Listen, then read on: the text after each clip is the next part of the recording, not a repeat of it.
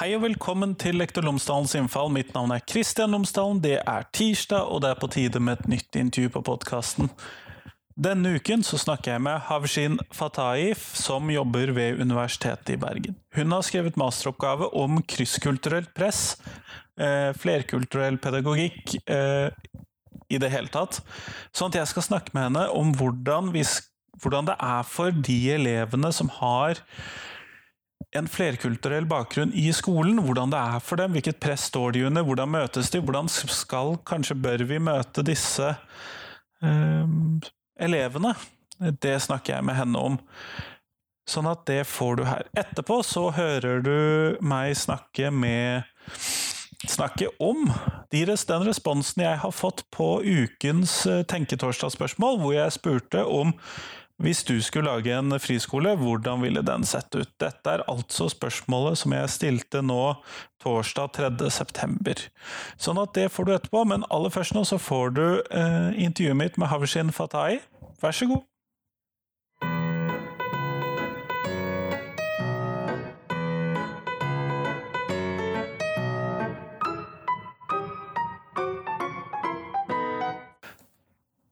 Havshin Fatai, tusen takk for at du har tatt tid til meg i dag. Tusen takk for at du inviterte meg. Før vi starter selve intervjuet, så lurte jeg på om du kunne fortelle lytterne mine tre ting om deg selv, sånn at de kan bli litt bedre kjent med deg. Ja. Eh, jeg er født i Kurdistan og kom til Norge som flyktning sammen med familien min i 1997. Jeg har vokst opp på Rykken i Bærum kommune og flyttet til Bergen for å studere da jeg var 19 år. Og her har jeg bodd siden. Min faglige bakgrunn er innenfor flerkulturell pedagogikk, og jeg ble ferdig med min mastergrad på NLA i 2018. Nå jobber jeg i lærerutdanningen på Institutt for pedagogikk ved Universitetet i Bergen som universitetslektor. Og ved siden av dette holder jeg for tiden på med å skrive prosjektskisse til en doktorgrad, og forhåpentligvis blir jeg stipendiat en gang. Um, jeg ser på meg selv som veldig sosial, og det tror jeg vennene mine også gjør. Og liker å tilbringe tid med de på fritiden. Jeg tror det var mer enn tre, men det går vel bra. Det får heller gå. Ja. Uh, vi satser på at det går fint. Jeg har ikke fått noen klager på det ennå når folk har gått over. Veldig bra. Men kunne du si noe mer om din uh, faglige bakgrunn? Eh, ja, min interesse rundt eh, flerkulturell pedagogikk startet mens jeg skrev min bacheloroppgave om morsmålsopplæring i skolen og betydningen av det. Eh, og senere så skrev jeg min masteroppgave om hvordan et utvalg av eh, kurdiske unge voksne opplever anerkjennelse i det norske samfunnet, og hva vi som pedagoger kan lære av deres krysskulturelle erfaringer. Og det informantene delte med meg under intervjuene, ønsker jeg å fortelle til alle som jobber i pedagogiske institusjoner, som f.eks. skole. Fordi det er mye vi kan lære av deres erfaringer. Eh, og grunnen til at jeg valgte å skrive om dette temaet, kommer av at jeg selv har hatt en krysskulturell oppvekst i Norge med kurdisk bakgrunn. Og i oktober 2016 så jobbet jeg i en flyktningleir i Kurdistan. Og fordi jeg har vokst opp i Norge, følte jeg meg mer som en utlending der enn hva jeg gjør her i Norge. Uh, og det er en veldig vanlig um, opplevelse å ha da, med en sånn bakgrunn. Så intensjonen med studien er å bidra til økt forståelse for hvordan det kan oppleves å ha en krysskulturell bakgrunn, og i tillegg å vise hvorfor anerkjennelse er viktig i et samfunn preget av mangfold for, for, for barn og unge med krysskulturelle erfaringer. Og ettersom barn og unge med krysskulturell oppvekst er en økende del av befolkningen, så er altså kunnskap om deres erfaringer av tilhørighet viktigere enn noen gang. Og selv om jeg valgte å skrive om kurdere i min undersøkelse, tror jeg det er mange med krysskulturell bakgrunn som kan kjenne seg igjen. Jeg tok utgangspunkt i én gruppe for å begrense oppgaven, ja, det var jo bare en masteroppgave. Ja, ikke sant. Det var jo bare det. Og grunnen til at jeg valgte å intervjue kurdiske informanter, er fordi det har foregått og fortsatt foregår en assimileringspolitikk i de landene kurderne bor i. Og siden de aldri har blitt anerkjent som et folk før, så ønsket jeg å undersøke om disse fem informantene har opplevd å bli anerkjent her i Norge, både i samfunnet og i skolen. Ja, det er jo begrenset hva man kan få puttet inn i en masteroppgave. Det tar jo Man gaper fort over for mye. Ja, det er eh, helt sant. Og, mm, så det var det jeg fikk plass til, da. Men forhåpentligvis så skal jeg skrive om eh, andre minoriteter senere. Ja, nei, doktorgradsprosjekter er bedre til det. Men Ja. da må vi jo, før vi kommer noe videre, så må vi jo finne ut hva mener vi egentlig når vi snakker om krysskulturelt press? Og hva er det som går under betegnelsen, eller hvem går under betegnelsen krysskulturell? Ja. um, betegnelsen krysskultur gir assosiasjoner til flytting, migrasjon og bevegelse, som er årsaken til eh, en oppvekst med innflytelse fra flere kulturer. Så krysskulturelle barn og unge er altså de som lever eller har levd med påvirkning fra to eller flere kulturer i barndommen. Det kan f.eks. være en som eh, har foreldre med ulik bakgrunn, eller kommer fra et annet land, eller har vokst opp i flere ulike land. Men det å ha en krysskulturell oppvekst, det er først og fremst en ressurs, fordi ulikheter i kultur kan gi utvidede perspektiver og ny forståelse. Men eh, imidlertid kan enkelte oppfatninger skape hindre og usikkerhet dersom unge med en flerkulturell bakgrunn ikke blir møtt med anerkjennelse. Eh, og opplevelsen av å høre til og samtidig ikke helt høre til der man har bosatt, er en av de mest sentrale temaene i en krysskulturell oppvekst. Og barn som er vokst opp med, med ulike kulturer, forvalter med andre ord et tilhørighetsparadoks. Og for de av dem som har vokst opp i Norge med flyktningbakgrunn, kan spørsmålet om hjem og opprinnelse være komplekse. Og ettersom det er mange krysskulturelle ungdommer som føler en sterk tilknytning til foreldrene sine hjemland, kan det knytte spesielle forventninger til dette besøket. Ofte kan disse ungdommene føle seg veldig fremmed, som kan igjen få dem til å stille spørsmål ved sin egen identitet og tilhørighet. Um, med andre ord kan det være at, det er, at de mange ganger føler seg mer norske fordi når de er i sine hjemland, eller er med andre mennesker som kommer derfra. Som for eksempel da jeg jobbet i flyktningleiren som jeg fortalte om i stad. Og, og ofte kan tilhørighet også handle om utseende. Mange med en krysskulturell oppvekst, de snakker, føler seg og oppfører seg som lokalbefolkningen, men likevel så godtas de ikke som lokale fordi de skiller seg ut med sitt utseende. Og dette er en gjennomgående opplevelse i en krysskulturell oppvekst. Altså det å ha et utseende som ikke passer til det folk flest forbinder med å tilhøre majoritetskulturen. Sånn at man da ofte ikke nødvendigvis passer inn, eller opplever at man passer fullt inn både her og både der, da. Hvis jeg forstår deg riktig. Eh, ja, at man ikke gjør det, ja. Ja, Ja, ikke. ja, ja, riktig. At man kan være for eksempel eh, for hvit den ene plassen, og for Oppføre seg for norsk er Ja. jo en klassiker. ja, og, ja, for det må man ikke gjøre. Man kan ikke være for norsk heller. Og så kan man ikke være for utenlandsk heller. Så må man må stå i Ja, et uh, tilhørighetsparadoks, det er jo som sagt opplevelsen av å høre til, men samtidig ikke helt høre til der man er bosatt. Så derfor er de i en sånn tilhørighetsparadoks. Så det er nettopp begrepet som eh, betegner dette, ja. Så da skjønner jeg. Ja. Eh, men hvordan kan kulturelt krysspress se ut for elevene? For det er jo kanskje det viktige for meg i skolen. Ja. Eh, og for dette spørsmålet tenker jeg at det lureste er å fortelle litt om erfaringene til informantene fra intervjuene fra masteroppgaven min. Fordi de funnene fra, som jeg har samlet inn, viser at informantene har gjennom sin oppvekst måtte gått, har gått gjennom flere utfordringer, som f.eks. å bli utestengt på bakgrunn av deres etnisitet. Og jeg mener at som pedagoger så kan man lære mye av erfaringene til informantene, og være nysgjerrige og lydhøre, så kan man også legge til rette for den unges opplevelse av tilhørighet i samfunnet. Jeg intervjuet fem kurdiske unge voksne i aldersgruppen 20 til 25. Noen av de var fra bysamfunn, mens andre var fra bygdesamfunn. Og vi kunne også høre litt sånn forskjellig, spesielt fra de som var fra by og bygd. Så et av de første spørsmålene jeg stilte de, var blant annet om hvordan det er å ha en krysskulturell bakgrunn. Og en av informantene fortalte at den ytre kampen er vanskelig, men at den indre kampen om selvbildet er vanskeligere. En av de andre fortalte at folk med krysskulturell bakgrunn sitter med flere ressurser fordi man blir sterkere av det og man har mer å bygge på, og at det var som å ha en verktøykasse som det er å plukke fra. Og så avslutter han med å si at samtidig er det å ha en slik bakgrunn også en grunn til å gå til sengs gråtende fordi man er annerledes. Fordi han mente at man ønsker å bare være sånn som vennene sine. Og det er sånn at hvis unge strever med dilemmaer rundt krysspress, identitet eller tilhørighet, så kan dette gå utover konsentrasjon, det kan gå utover helse og skolearbeid.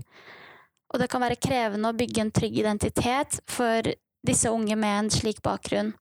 Og denne prosessen handler om å kunne forene sine to verdener, som kan være veldig ulike. De sitter mellom valget mellom å velge familiens eller storsamfunnets verdenssyn, og uansett hva de velger, så kutter de en stor del av sin identitet. En av de andre informantene fortalte at det hun likte minst med å ha en slik bakgrunn, var blant annet at hun hadde fått høre at hun er en annerledes utlending, positivt ladet, fordi hun hadde gjort det så bra på skolen og på jobb, men hun hatet å bli kategorisert på denne måten fordi hun sa at det finnes norske som naver uten grunn, men da blir ikke de kategorisert som annerledes nordmenn. Og så, ja, og så spurte jeg om eh, hva slags spørsmål de var lei av å få. Og da var det for eksempel når de skulle begynne å bruke hijab, om de feiret jul eller 17. mai, om de var muslimer, eller om de så på skiskyting, fordi det var ikke, vanlig, det var ikke vanlig blant utenlandske. Og det var tydelig at jeg hadde fått dette spørsmålet ofte, og de himlet med øynene da jeg spurte de.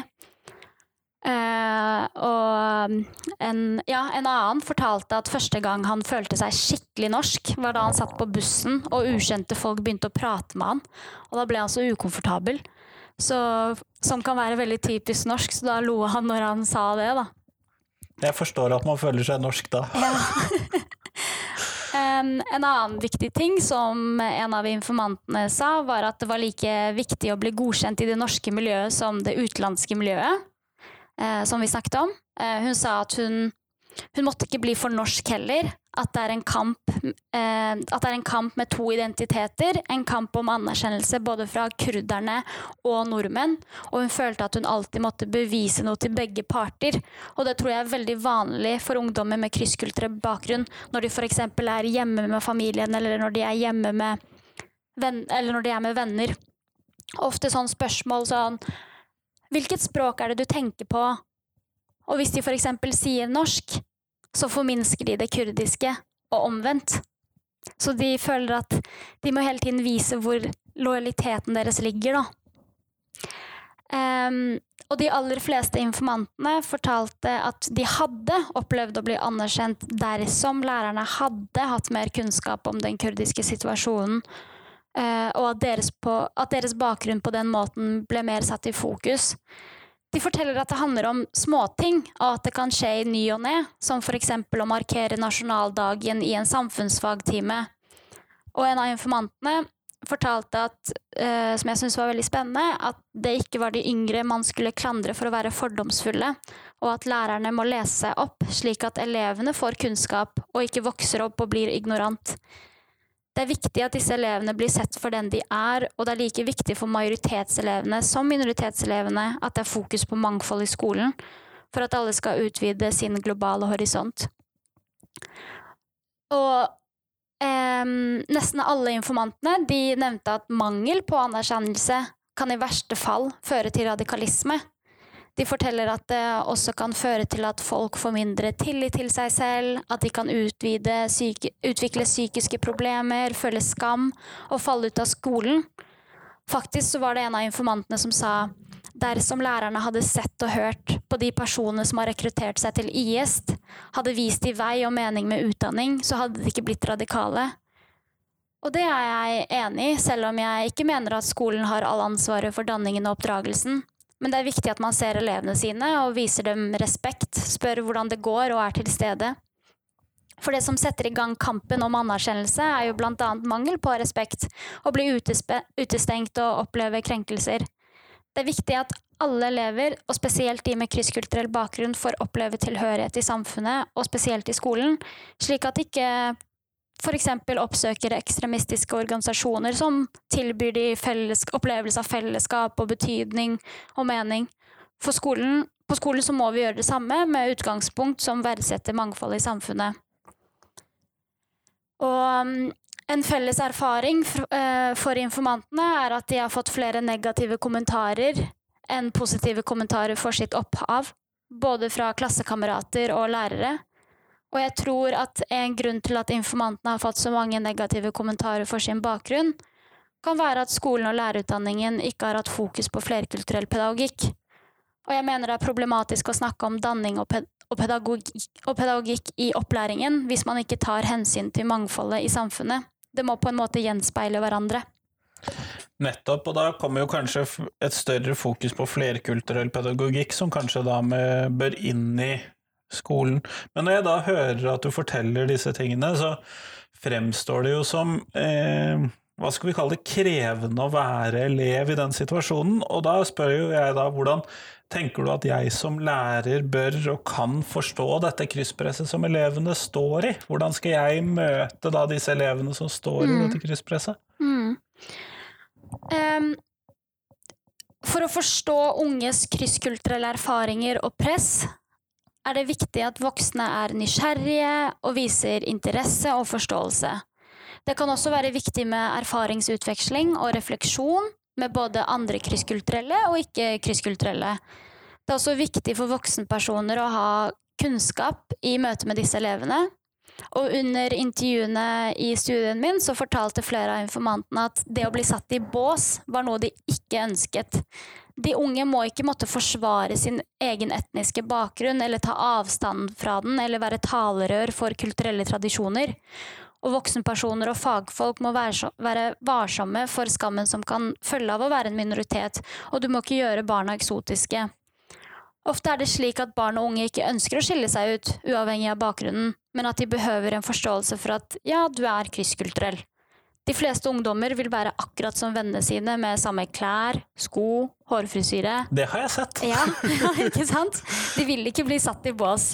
Så skolen burde anerkjenne dem for at de er krysskulturelle, og ikke få dem til å føle at de må velge mellom sine to identiteter, og hjelpe de andre majoritetselevene til også å forstå det. Og i arbeid med krysskulturelle barn og unge så er det viktig at lærere, pedagoger og voksenpersoner og alle fagfolk er støttende og hjelper dem med å finne stolthet i seg selv.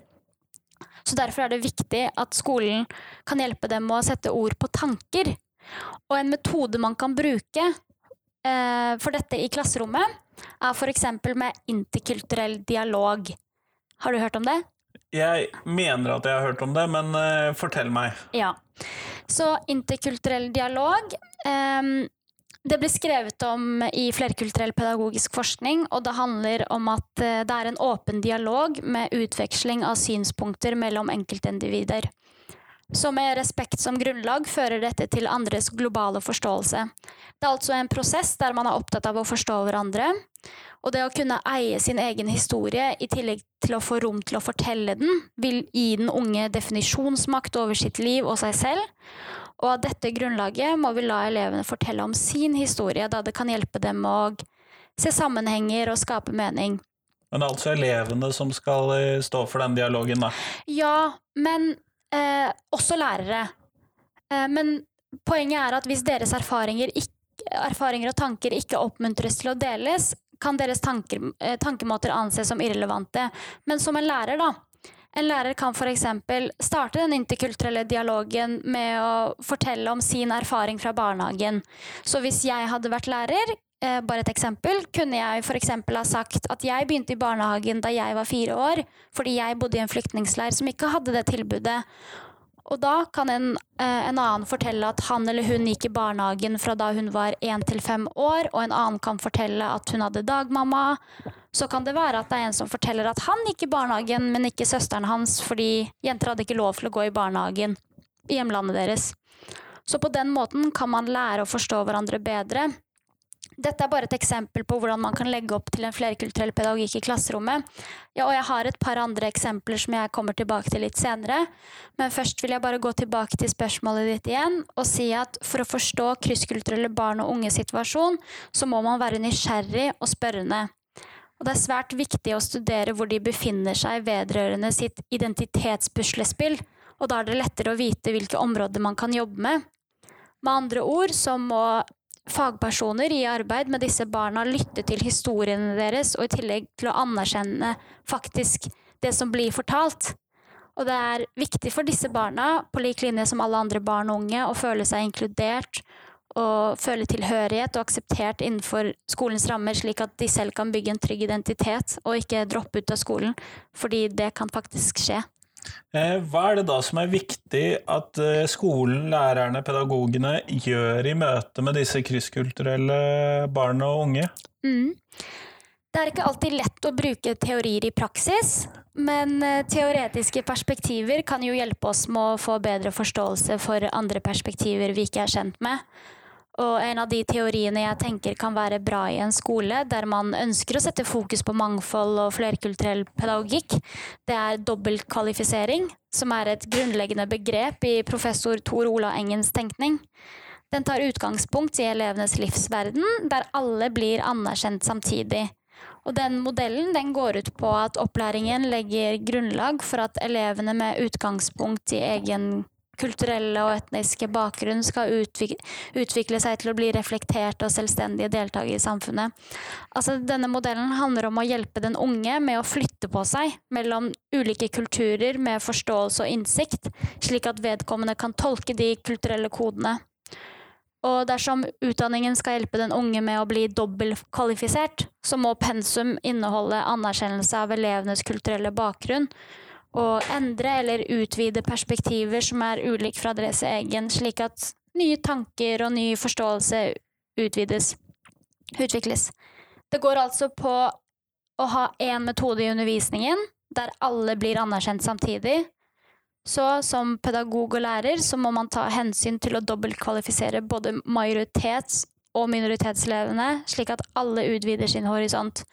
For slik som informantene delte under intervjuene, var det ikke de yngre man skulle klandre for å være fordomsfulle.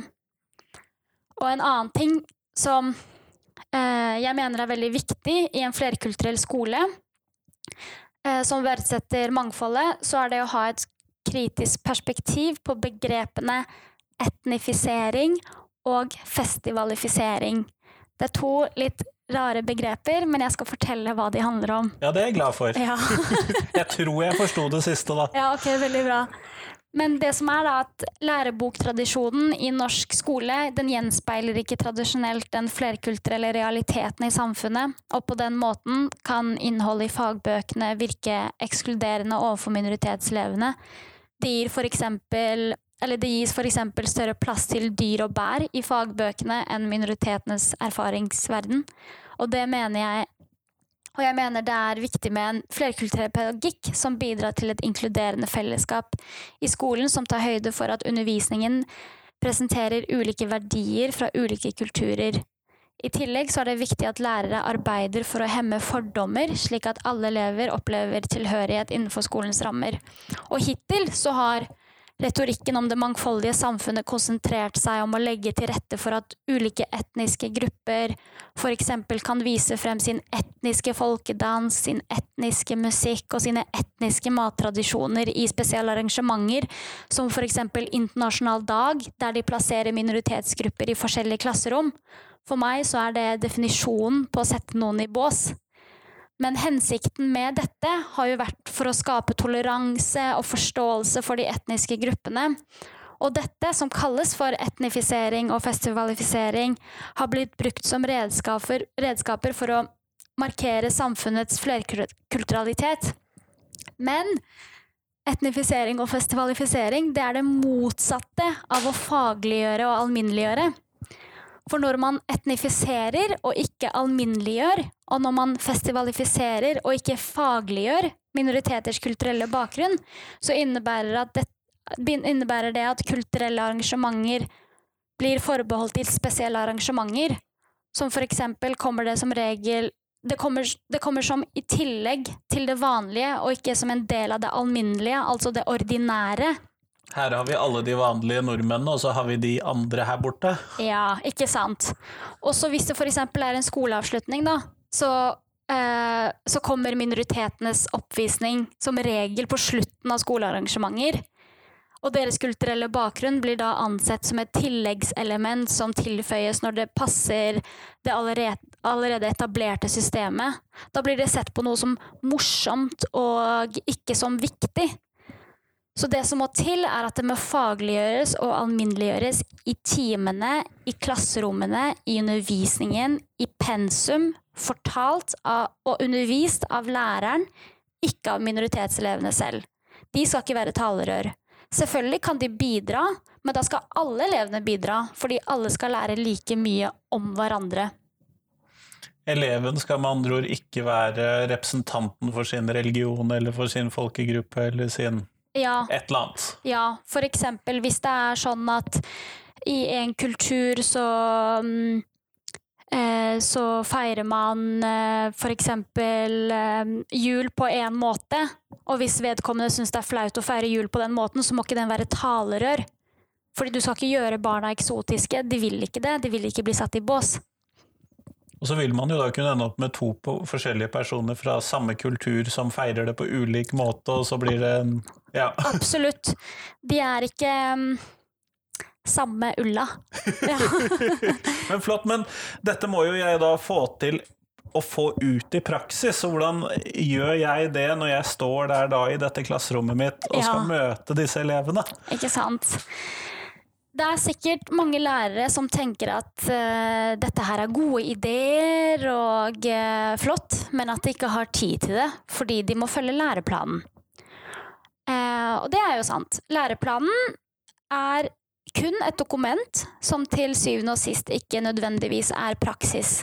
Derimot så henger jo disse to sammen fordi lærere er bundet av læreplaner, men de kan likevel legge opp til en undervisning som er flerkulturell.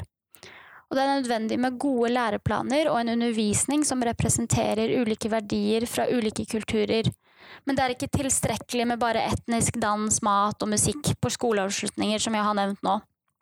Med andre ord er det viktig at undervisningen presenterer ulike verdier fra ulike kulturer.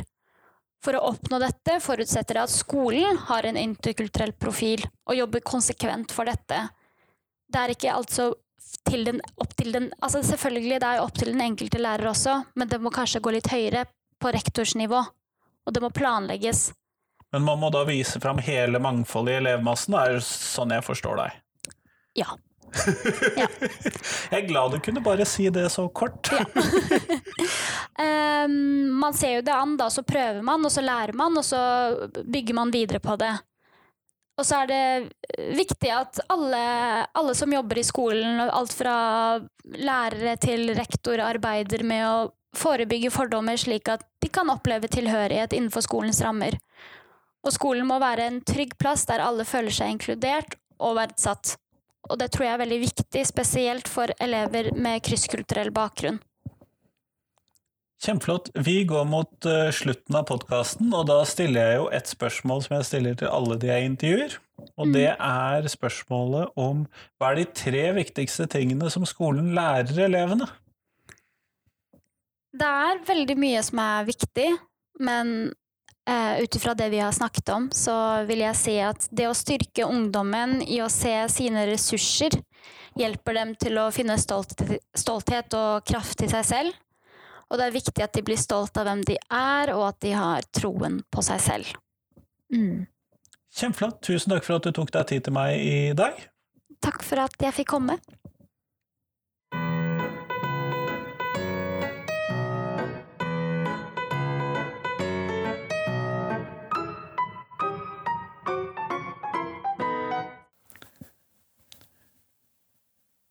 Tusen takk til Havskjen, og tusen takk til deg som hørte på. Nå er det en uke igjen til neste gang, men i mellomtiden kanskje det kunne være interessant for deg å gå inn og se på Tenketorsdag-postene mine.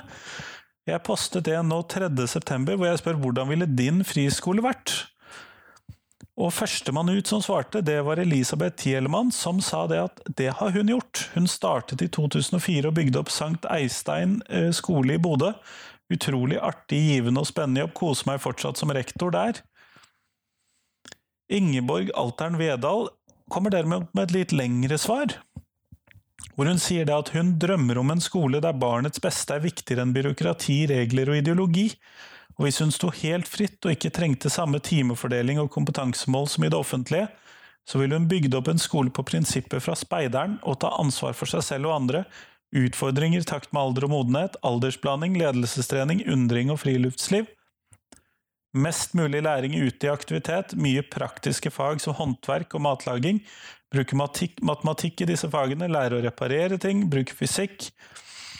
Ansvar for å tilberede varm lunsj som et annet trinn, måltidsfellesskap, tverrfaglige prosjektuker der alle fag handler om ett tema, f.eks. verdensrommet.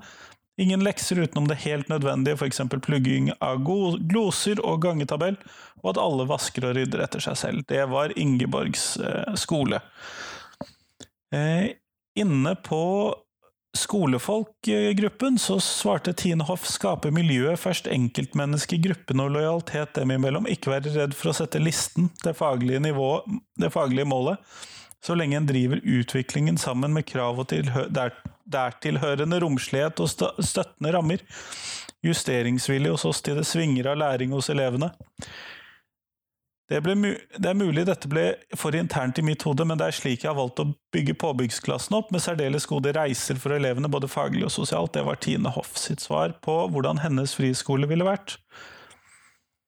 Inne på skoleledelse for Fremtidens-gruppen så var det Gunnar Østgaard trekker fram at han håper å bygge dette med Trondheim Montessori-skole, som han har vært med å starte.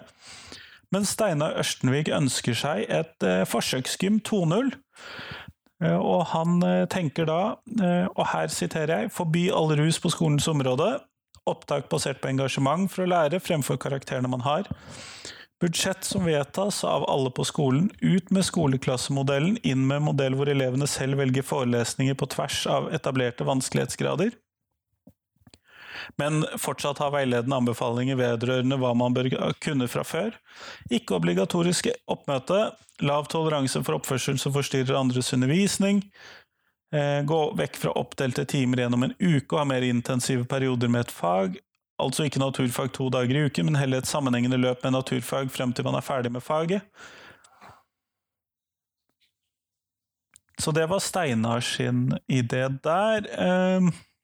Eh, Inne på livet bak fasaden i Oslo-skolen så trekker Monica Fjell Ramsdal frem små klasser.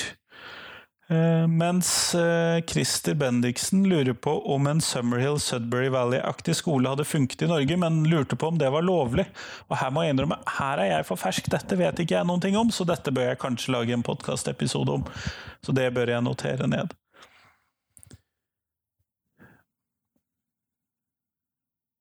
Sånn, skal vi se, skal vi se, skal vi se Jeg oppfattet at det var én gruppe for lite.